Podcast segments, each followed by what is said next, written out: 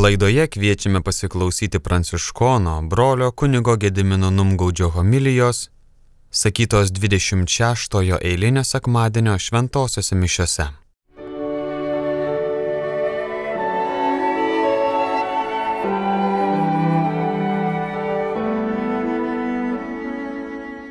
Pasiklausykite Šventojios Evangelijos pagal Matą.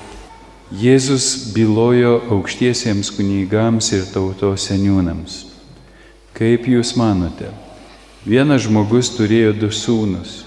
Kartą jis kreipėsi pirmąjį sakydamas, vaikė, eik ir padirbėk šiandien vienogynę. Šis atsakė, nenoriu, bet vėliau apsigalvojo ir nuėjo dirbti. Paskui tėvas kreipėsi į antrąjį sūnų tais pačiais žodžiais. Šis jam atsakė, einu viešpatie, bet nenuėjo. Katras iš jų įvykdė tėvo valią. Jie atsakė, pirmasis. Tuomet Jėzus tarė jiems, iš tiesų sakau jums, muitininkai ir ištvirkelės greičiau už jūs pateks į Dievo karalystę. Nes Jonas atėjo pas jūs teisybės keliu, bet jūs netikėjote juo. O muitininkai ir ištvirkelės tikėjo, betgi jūs nors tai matėte, ne vėliau neapsigalvojote ir netikėjote juo. Viešpatie žodis. Šiandien tarsi tęsiasi prieito sekmadienio mintis Tai kokia ten neteisybė buvo su tuo atlygiu. Žiūrėkite, ar nesitėsi šiandien ta pati mintis, to neteisingo atlygio mintis. Štai ką viešpats kalba, jūs sakote, viešpaties elgesys neteisingas. Neteisingai moka viešpats. Ne taip kaip žmonės susiskaičiuoja viską, apsimoka, neapsimoka. Bet paklausykite Izraelio namiškiai, argi mano elgesys neteisingas? Ne, tai jūsų elgesys neteisingas. Jeigu teisusis nustoja gyvenęs teisingai, ir pradeda elgtis neteisiai, tai turi dėl to numirti. Jis mirs dėl savo neteisybės, kurią bus padaręs. Ir jeigu nusikaltėlis grešis nuo savo darytos neteisybės ir pradės gyventi dorai ir teisingai, tai išsaugo savo gyvybę. Jeigu jis pripažins visus nusižengimus, kuriais nusikalto ir atsivers, tai gyvas išliks ir nemirs.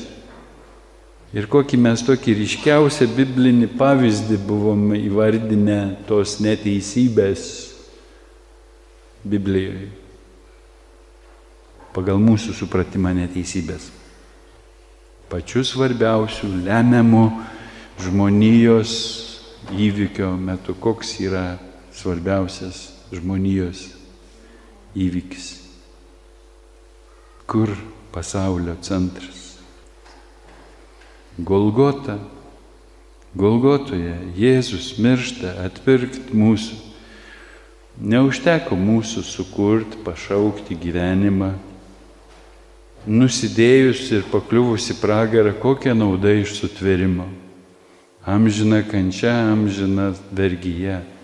Netam viešpats mūsų tvėrė ir pašaukė gyvenimą. Jis pašaukė mus, kad būtume laimingi, kad gyventume Dievo vaikų laisvę, džiaugtumės Dievo meilę ir be atpirkimo to mums nematyti.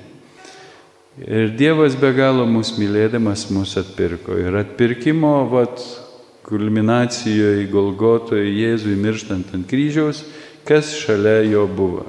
Du veikėjai du sūnus, tėvo sūnus, kuris vienas pikdžodžiavo, kitas atgailavo, prisimenat.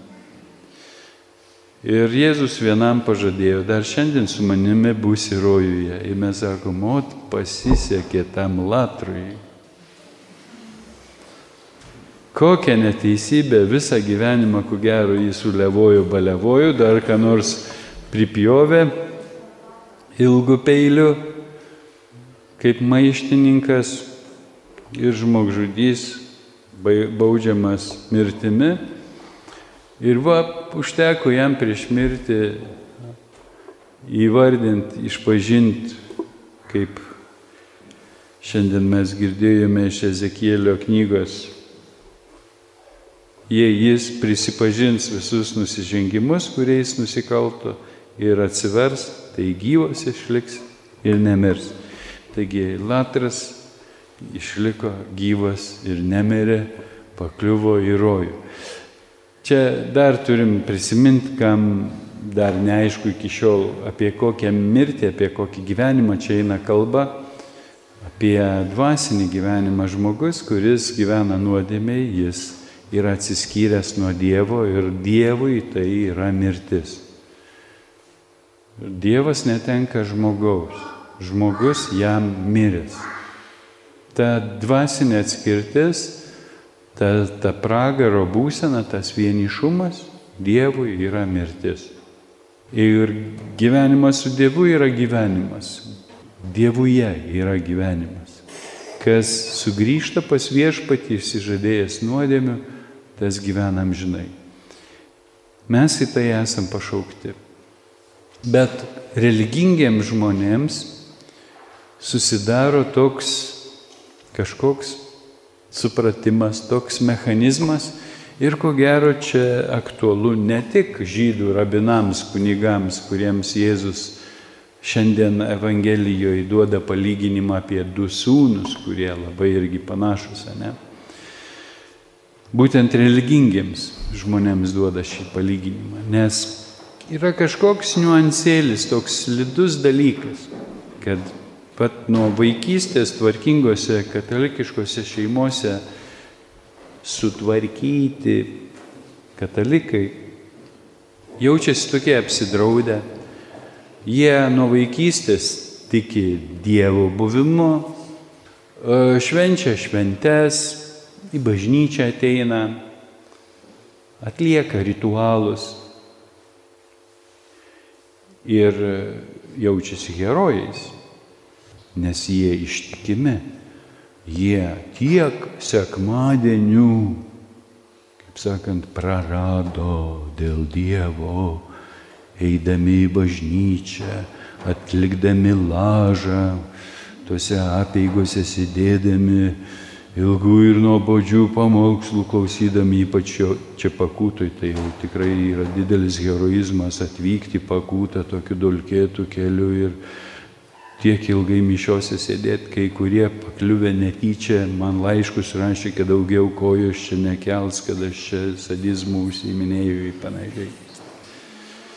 Nu va, tai jau jums turėtų būti garantuotai dangus, kaip sakant, už tai bet turiu jūs nuliūdinti ne už tai. Ar tai gali padėti? Be abejo, gali padėti, jeigu Dievo žodis kaip nors pasieks mūsų širdis. Ir mes suprasim Dievo mintį, ko Dievas iš mūsų nori. Ar tai yra tas pats, ką mes galvojam ir ką Jis galvoja. Nes religingi žmonės sudeda viltis į ritualus, į darbus, į maldų kiekį, bet ne visada tai suformuoja teisingą santykį su Dievu. O Dievas nori kažko kito, kas čia per niuansai yra. Ir iš tikrųjų atrodo neteisybė. Žmogus visą gyvenimą dorai gyvenęs įstatymą vykdęs, daug atsisakęs dėl Dievo, jeigu dėl Dievo, o gal dėl baimės būti nubaustas. Yra skirtumas bijoti įskaudinti, nuliūdinti tėvą ir bijoti užsitraukti bausmę, pragaro bausmę. Dėl atskirties nepergyvenam, bet dėl bausmės pergyvenam. Gali atsitikti nelaimė, nepasisekti. dar šiame gyvenime būti nubaustais, nedaug Dieve, o jeigu pakliūsim į pragarą. O kas mūsų laukia dangui? Dangui mūsų laukia gera viečikė, butelis šiltas, ne šviesus, aprūpinimas socialinis, dangaus Jeruzalės piliečių gyvenimas, pramogos, auksinės gatvės, angelų chorai gėdantis, o pragere roką ar džiazą groja ten, hard metalą kokį ir ausis drasko. Nu, todėl kai kurie sako, ai, nuobaudų ten su tais angelais dangui, geriau pragare ten bent trokelį svaro, pragaraišką muziką. Pabandyk čia roką pagroti. Bet ar nuo muzikos stiliaus priklauso, ar nuo santykio, kuris veda mus į susitikimą su Dievu vienai par kitai. Taigi, ką čia Jėzus turėjo omeny? Mums iš tikrųjų atrodo neteisybė visą gyvenimą dorai išgyvenus ir ant galo gyvenimo susimaut kokiam menkam dalykė ir užsitraukti amžiną mirtį negerai. Bet lygu tas žmogus gyveno su Dievu, kaip jis atsidūrė tokioj būsenoj, kad pabaigoje nusidėjo. Prisimenu, Zakrastijonų būnant, stebindavo kai kurios kunigų kalbos. Po gero, tai ne tik kunigams būdinga. Nu va, nepaslaptis, kad yra pas mus rūkančių kunigų, ne? Tai va, ir sovietmetį, kai buvau Zakrastijonų ir Tai būdavo vyresniųjų kunigų pasipiktinimas rūkančiais klerikais. Ir aš prisimenu, kai prie stalo vieną kartą nustebau tokiu pasakymu. Nu, kad senas kunigas rūko, tai normaliai, bet kad jauni idealistai, klerikai rūko, tai nenormaliai. Seni kunigai vadinasi jau nebe idealistai, jau realistai jau gyvenimo matę, jau apsilaužę, jau jiems galima rūkyti, o gal galima ir čerką padaryti, gal galima ir dar ką nors padaryti. Nu, jie, jie jau seni, o jaunimui negalima. Man atrodo, atvirkščiai jaunimas turėtų viską išbandyti, ne, normaliai kad turėtų pasirinkimo galimybę, o jau senatvė, jau išmintis turėtų kalbėti, jau prisirišimas prie Dievo turėtų vesti. Bet kažkokia va tokia įdomi logika yra, kad senatvėje mes kažką savo leidžiam. Leidžiam kompromisus kažkokius, dar kažką. Ir tai religingų žmonių tarpe. Kame reikalas? Į ką mes vilti dedam? Ir kodėl Jėzus čia, kalbėdamas apie tuos du sūnus, kuriuos vėlgi žmogus turėjo du sūnus. Kartą jis kreipėsi pirmąjį, sakydamas, vaikė, eik ir padirbėk šiandien vienuogynę. Šis atsakė, nenoriu, bet vėliau apsigalvojo ir nuėjo dirbti. Ar tas žmogus ne tas pats, kur tuos darbininkus samdė. Kažin, ar čia kitas vienogynas, kitas atvejis. Ar čia tas pats?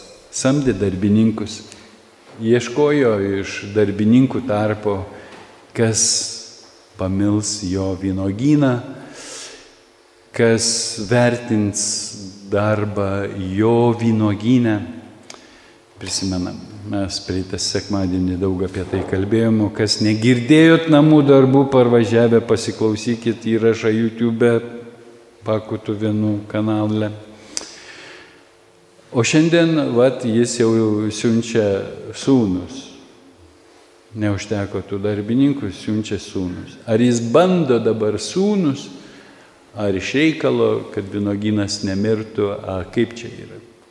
Ir kas tie sūnus? Galėtų kas nors pasakyti, vienas sunus tai žydų tauta, kitas sunus um, bažnyčia iš tautų, galėtų būti dukteris, irgi galėtų eiti padirbėti vynogyną, ne? Kas be būtų. Ar čia tiesiog simboliškai dviejų sūnų santykis, kaip sūnaus palaidūno ir to ištikimo jo vyresniojo sūnaus. Ir viename ir kitame atveju mes galime rasti kažkokių atpažinimo ženklų, sakysim, pagonis, kurie sakė ne Dievui, neklausė, bet paskui persigalvojo, pasikrikštėjo, tapo katalikais ir darbuojasi sėkmingai šiandien vynoginę, o va žydeliai, kurie sakė taip, taip, taip, viešpatie užkėtino širdis ir neina į tą vynoginą darbuotis ir visai galim išvartyti. Bet e, gal atsakymas yra Jėzaus palyginimo gale. Vėlgi kontekstą atsiminkim. Jis bylojo aukštiesiems kunigams ir tautos seniūnams. Tuomet Jėzus tarė jiems, iš tiesų sakau jums, muitininkai ir ištvirkelės greičiau už jūs pateks į Dievo karalystę, nes Jonas atėjo pas jūs teisybės keliu, bet jūs netikėjote juo, o muitininkai ir ištvirkelės tikėjo. Betgi jūs nors tai matėte, ne vėliau neapsigalvojote ir netikėjote juo. Tai tas darbas vynogynė tos sunaus prilyginamas tarsi tikėjimui Jonu. Taip išeina logika iš to teksto. Lietuviškam mentalitete. Lietuviškam katalikiškam mentalitete pasitikslinsim. Ką žydelis pasakytų į tą, nežinau, bet per savo lietuvišką, žemaitišką, katalikišką mentalitetą man taip susiveda galai. Ir Kas netikėjo Jonu? Aukštieji kunigai ir tautos seniūnai, didžiūnai. Netikėjo kuo? Ką Jonas skelbė? Ką Jonas Krikštytojas skelbė? Prisartino dangaus karalystę, atsiverskite, tikėkite ir liūdėjo Jėzų kaip Dievo vinėlę, ne, pristatė. Bet pirmiausia, skelbė kvietė į atgailas, kaip Jom Kipur šventė vyksta. Tai yra atgailos teismo diena žydų pasaulyje, kada visa, kiek ten, 27 valandas be vandens ir be maisto. Ždeliai atgailauja už savo nuodėmės, atsiprašydami Dievo, bandydami pakeisti šių metų eigą skaitydami torą ir panašiai, atsiprašydami viens kito, atgailauja, o kitą šeštadienį jau linksminsis. Kviečiu ir jūs pasilinksminti pakūtą, solidarizuojantis. O šiandien va, atgaila, atgailos dienos. Jonas kelbė atgailą, kvietė išsižadėti nuodėmės, išsižadėti kompromisų, išsižadėti neteisybės. Kvietė gyventi atnaujintą gyvenimą, atnaujinus sandorą, kurią Dievas sudarė su žydų tauta prie Horebo kalno. Taigi jie netikėjo Jonu, o ko jie tikėjo, jeigu jie religingi ir tikinti žmonės. Juk jie įstatymą irgi vykdė. Jie kovojo už įstatymą, už torą, už papročius, už tradicijas. Kam reikalas? Kas čia nesusiveda? Kuo jie netikėjo? Ką jie netaip darė? Gal ir mes kažką netaip darom. Ir mūsų gyvenims cukriai ant uodegos kabo. O cukrės uodega matėt, kaip laksto.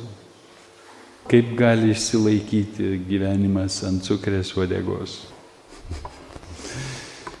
Cukrė mūsų šunelis čia visus sveikina. Taigi tas posakis toks, kai mes kažką klystam, neteisingus pasirinkimus darom, sakom, gyvenims nuėjo šunį ant odegos. Ir čia štai teisusis visą gyvenimą gyveno, ale teisiai bet ant galo gyvenimo kažkur susimovė ir viskas šuniui ant uodegos, nuskrido, prarado.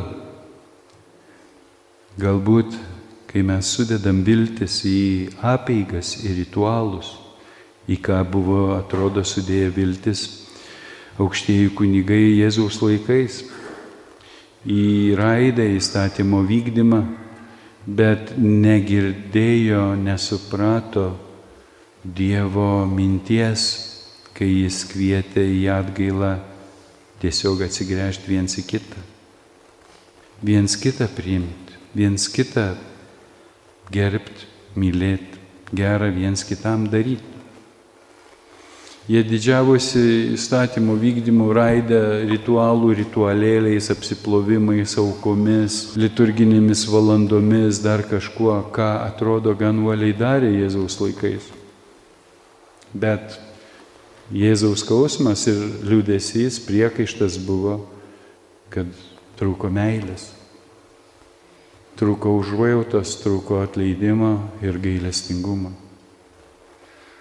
O atrodo Dievo žodis pagrindę to ir laukia iš mūsų. Kad mes viens į kitą atsigręžtume, kad mes viens kitam ištikimi būtume. Ir viens kitam gerą darytume. Ir štai tie muitininkai, paleistuvės, nusidėjėliai patikėjo Jonu. Jie atgailavo ir jų gyvenimai keitėsi ir ne vienas iš jų sekė Jėzumi. Jėzaus kompanija, prisimenat, buvo ir Marija iš Magdalos, ir Matas, muitininkas, ir žvėjai iš Galilėjos, kurie įtariu, kanos Galilėjoje vynelį patvarkė per vestuvės. Kompanija tokia kuriais piktinosi ne tik fariziejai, bet pasimetę ir net Jono mokiniai buvo juos žiūrėdami. Jie ten kažkur vis prasilenkdavo, tai neplautom rankom kažką suvalgydavo, tai šabo dieną kviečių ten nusiskindavo ir pastoviai Jėzui reikėjo teisintis prieš fariziejus už jo mokinius. Bet jie viską palikę sekė Jėzumi kažką jame atradę, jame atradę gailestingumą, meilę, brolystę. Jėzus liūdėjo tėvo meilę ir kvietė mylėti. O religingiems žmonėms atrodo, kad svarbiau yra galingai pašlovinti viešpatį, bažnyčią pastatyti, giesmę tokią sukurti, kad visi atsimintų. Kalbėsiu vėl viešą reikalą. Važiuojančią vieną vakarą klausiausi Radio Marijos, tokia laidelė, kažkaip ten sakralinės muzikos būna per Radio Mariją. Kompozitoriai kviečiami rašyti chorams giesmes. Giesmes, kurias, vien žodžiu, komisija ten teologų, e, vargonininkų, ten nežinau kokia komisija nuspręs, kuri giesmė teisinga, kuri neteisinga. Įklausausi, klausausi, nu, kriterijai, kriterijai, duokit tuos kriterijus, kokius tos giesmės turi būti, kad atitiktų tą liturginę visą poreikį, teologinį poreikį. Nesulaukiau to kriterijaus, tai supratau, kad chorvedžiai nuobodžiauja porvedžiams nusibodo senos giesmės, kurios labai gražios, kurias reikia išsaugoti, gal net į UNESCO paveldą įtraukti ir dar ką nors padaryti. Bet norisi naujų giesmių, o kokių, nesupratau.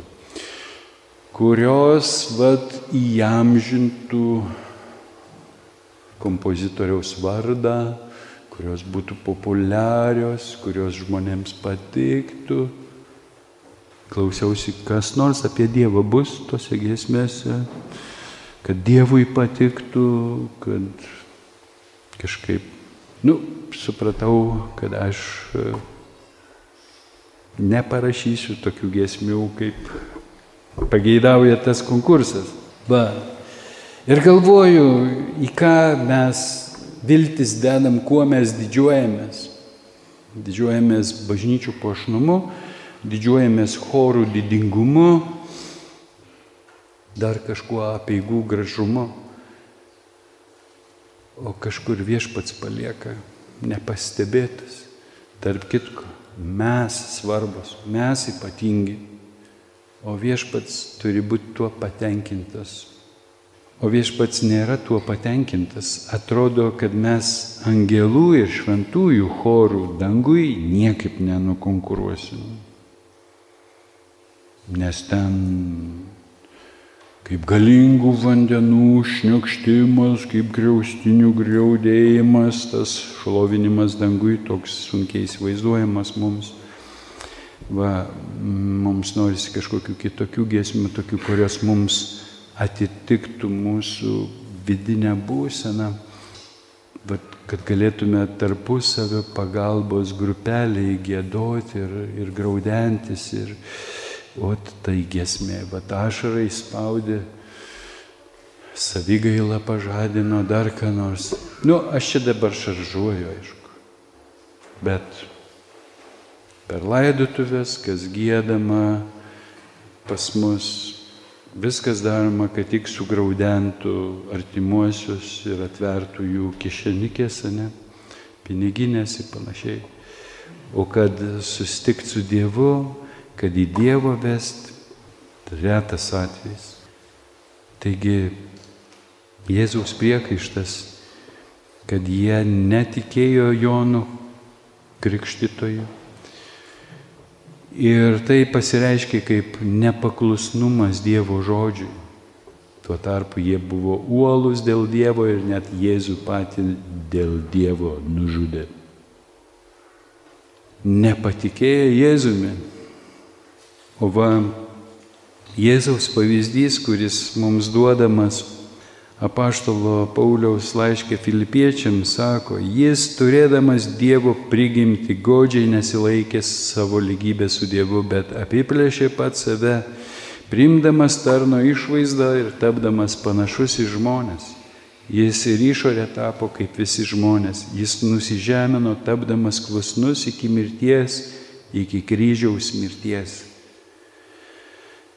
Todėl ir Dievas jį išaukštino ir padovanojo jam vardą, kilniausią iš visų vardų, kad Jėzaus vardui priklauptų kiekvienas kelias danguje, žemėje ir po žemė ir kiekvienos lūpos Dievo tėvo šlovė išpažintų Jėzus Kristus yra viešpats.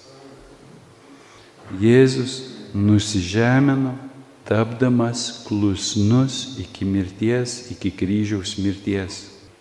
Ir iš mūsų Dievas laukia to paklusnumo. Mes prieitą sekmadienį jau kalbėjom, kad pažįstam keletą paklusnumo būdų, rūšių. Vienas paklusnumas, vergo paklusnumas, kaip va Belorusijoje ugdomas paklusnumas per smurtą, baimę, kad būsi nubaustas, visur bijok, kur nors kam nors neįtikt, ir palaikoma ta baime tokia. Ir visi turi vaikščioti ant pirštų galiukų ir turi vis, visur pataikauti, stengtis įtikti, nesuprasdami, kodėl tą reikia daryti, tiesiog absurdas, bet vad vergas taip ugdomas ir tame laikomas. Ir mes kartais religingi žmonės, nepažindami Dievo, nepažindami Dievo meilės, Ne Dievo bijom, bet bausmės bijom, pragaro bijom, šetono bijom. Ir darom kažką pagal savo supratimą, kad įtiktume Dievui ir netitektume velniui. O velnės tyčiojasi iš mūsų ir meluoja mums, kad tik mes nepažintume tėvo, kad jaustumės neverti ir nedrįstume grįžti pas tėvą kaip sūnus. O Jėzus mums liūdė, kad mes esame tėvo sūnus, pirmiausia, sūnus, nevergai. Ir štai ar blogai pasielgė tas sūnus, kuris pasakė, ne, nenoriu. Jis laisvas, pasielgė kaip laisvas, nenoriu, nenoriu šiandien dirbti vinogynę. Ok, eina tėvas pas kitą, gal tu nueitum padirbėti. O, einu, einu. Ir nenuėjo. Apgavo tėvą, persigalvojo. A, kaip nors įsisuksiu. Tam kartui tarsi įtiko. Vėlgi dviejų skirtingų sunų elgesys. Bet Jėzui svarbu, ar įvykdyta tėvo valia. Ar aš išgirdau, ko tėvas nori iš manęs. Ar aš pažįstu tėvą, jo valią, jo svajonę, jo troškimą. Ar aš noriu prisidėti prie jo svajonės, prie jo troškimo išsipildymą. Ar tik tais noriu, kad jis mano svajones pildytų, mano užgaidas pildytų. Ir kas svarbiau, mano užgaidą patenkinti ar kad Dievo valia išsipildytų. O Dievo valia, kad aš būčiau laimingas, būdamas su juo, toks kaip jis. Ir kaip aš tapsiu kaip jis, jeigu jo nepažinsiu ir jo valios nevykdysiu. Čia kretingoji buvo paskaita apie muziejui, apie žydų tradicijas auginant vaikus Ir lektorė pasakė tokį vat, labai nepopuliarų dalyką lietuviams. Vaikų auklėjime jokios demokratijos pažydus nėra ir nebus. Vaikai turi perimti tėvų vertybės. Nori, nenori. Paskui vėliau galės apsispręsti bet turi išmokti daryti, nors ir nesupranta. O bedarydami turime vilties, kad supras. Bet suaugę, jeigu neturės įgūdžių, tai ir supratę neturės jėgų daryti. Tai lengviau bus, kad dabar nuo vaikystės išmokins daryti to, ko jie nesupranta, kai ateis supratimas, jiems bus lengva gyventi suprantant ir turint įgodį daryti teisingus dalykus. Kaip jums tokia versija? Tai va, kažkaip jį ko gero ryšasi su mūsų Evangelija irgi šiandien, kad mums kai kurios dalykus reikia lavintis daryti, kai ir nesuprantam tiesiog iš paklusnumo Dievo žodžiui.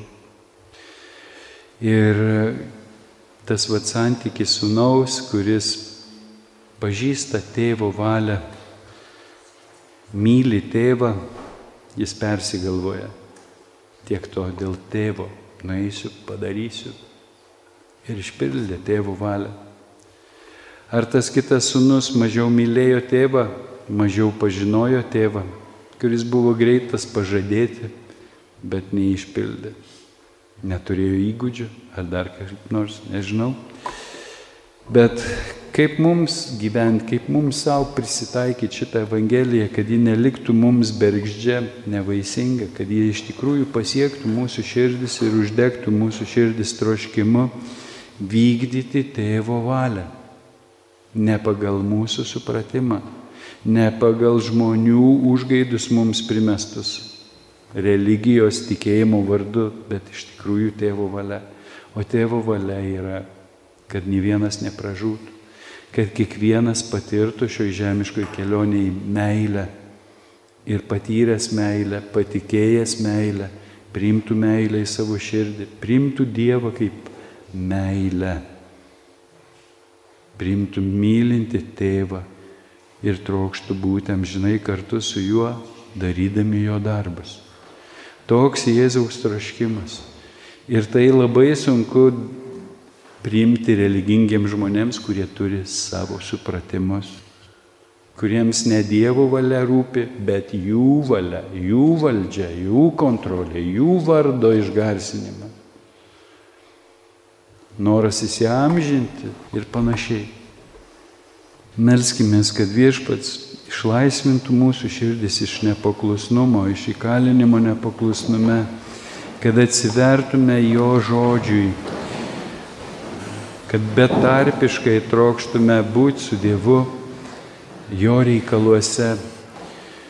Jis gailestingas, kai mes pavargę, jis nori, kad mes pailsėtume, tam jis davė šabą ir švenčių laikus. kad pailsėję atsinaujinę vėl su džiaugsmu darbuotumės jo vynuogynę tarnaudami viens kitam.